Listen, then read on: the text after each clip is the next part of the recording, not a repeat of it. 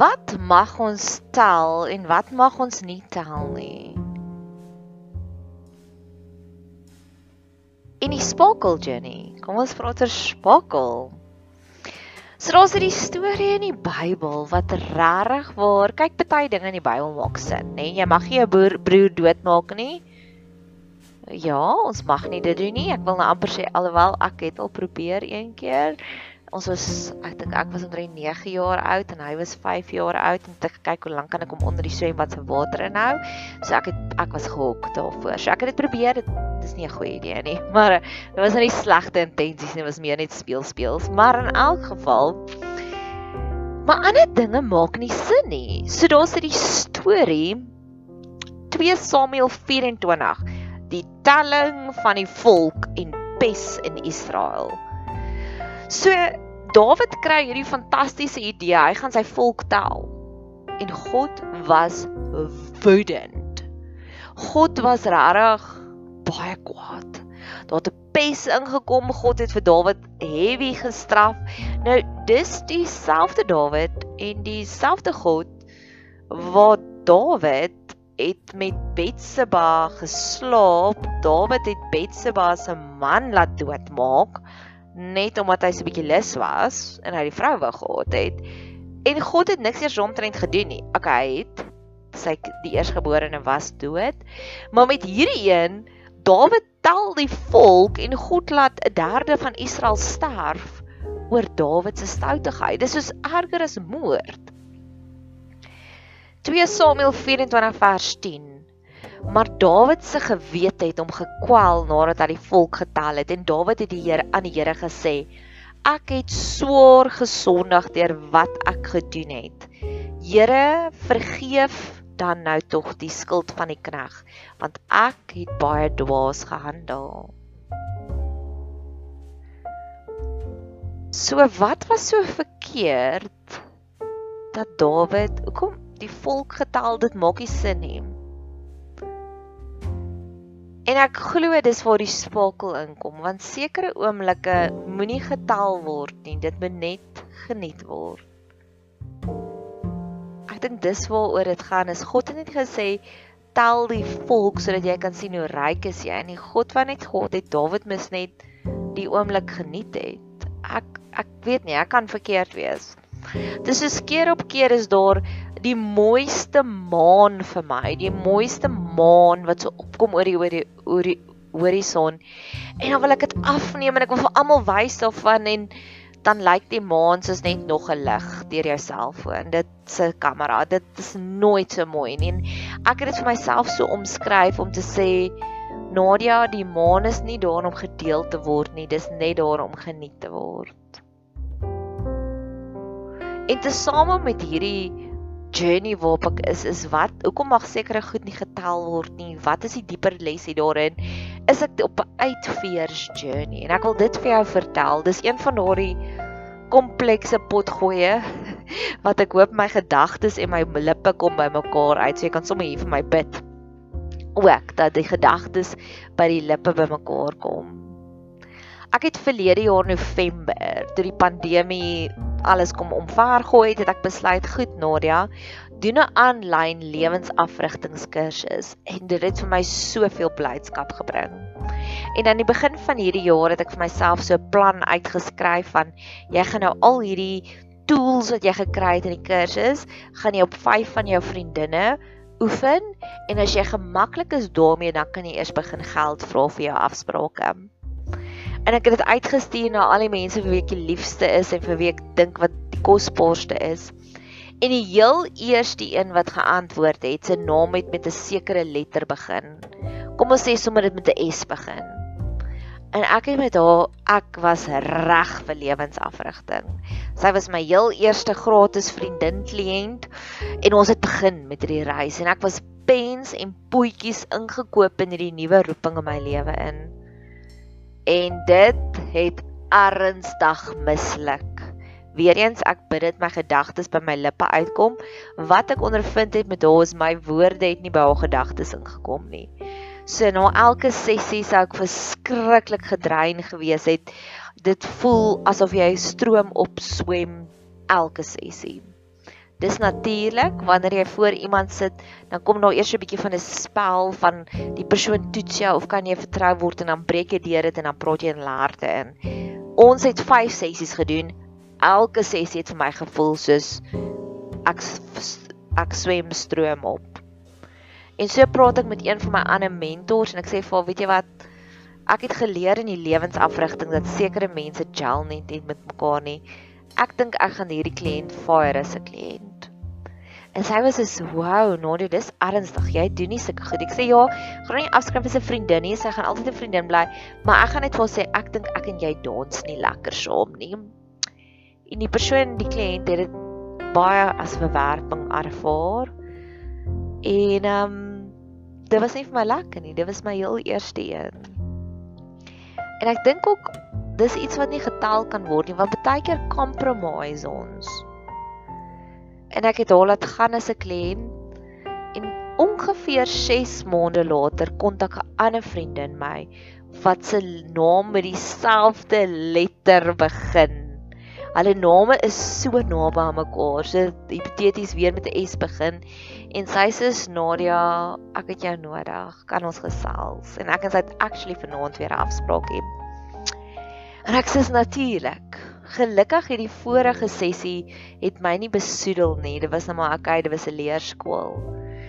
En ek en sy gel fantasties saam. Ek kan lang lofliedere sing van die hoeveelheid joy wat ons vir mekaar verskaf want dis die lekkerte 'n goeie lewensafrigting en kliënt energie sinergie alkemie motiveer en inspireer die lewensafrigting die life coach nog meer en ek kan nie help of is daar 'n skoonheid in daardie verhouding nie 'n beauty want omdat ek die eerste een wat se naam met dieselfde letter begin het, gesacrifice het, opgegee het en gesê het hierdie gaan nie vir my werk nie, ek wil nie meer saam speel nie.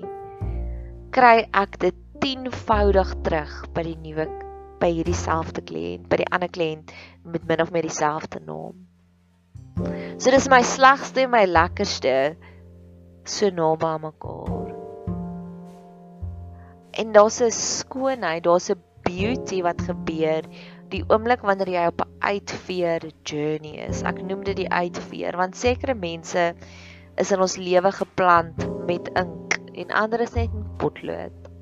En dan kom op 'n stadium weer eens life coach wat jy jouself moet herëvalueer om te sê bedien hierdie my nog, dien hierdie my nog, is it serving me? En ek kan nie help om te sien elke keer alhoewel dit vir my baie sleg is wanneer ek 'n boundary ingesit het in iemand met iemand hoe die Here my seën op ander maniere nie. Mense wat ons energie drein, mense wat ons energie steel om hulle te sacrifice. Ons hoef nie die hero in almal se storie te wees nie. Selfs nie eers Jesus het dit probeer doen nie. Jesus het na die twee manne op die kruis gekyk en die een het hom verwerp en die ander een het hom aanvaar en Jesus het sy aandag gegee aan die een wat hom aanvaar het. Hy het nie die een wat hom verwerp het gesmeek, asseblief asseblief like my, asseblief asseblief ek kan jou lewe beter maak, nee. En dit laat my weer eens dink aan 'n Eckhart Tolle potgooi wat ek geluister het waar hy vertel het van 'n appel Daar kom iets met lewe en dood, deconstruction versus construction. Jy vat die heel appel, jy buite hom, jy dekonstrukt hom, jy breek hom af, jy maak hom dood sodat hierdie appel iets lewendig vir ons kan gee, sodat hy energie vir ons gee. En sekere dinge moet net nie getel word nie. Ek dink ook sekere dinge ons hoef nie te ver in die wetenskap agter dit aan te gaan nie. Ons moet dit net geniet. As ek te lank getop het oor my heel eerste life coach kliënt wat nie suksesvol was nie, het ek dan die volk getel. Ek dink sekere dinge is net bedoel om 'n mystery te wees en dis hoekom God so kwaad geraak het. Sekere dinge is nie veronderstel om geanaliseer te word nie. Dis net daar. Ons moet dit net geniet.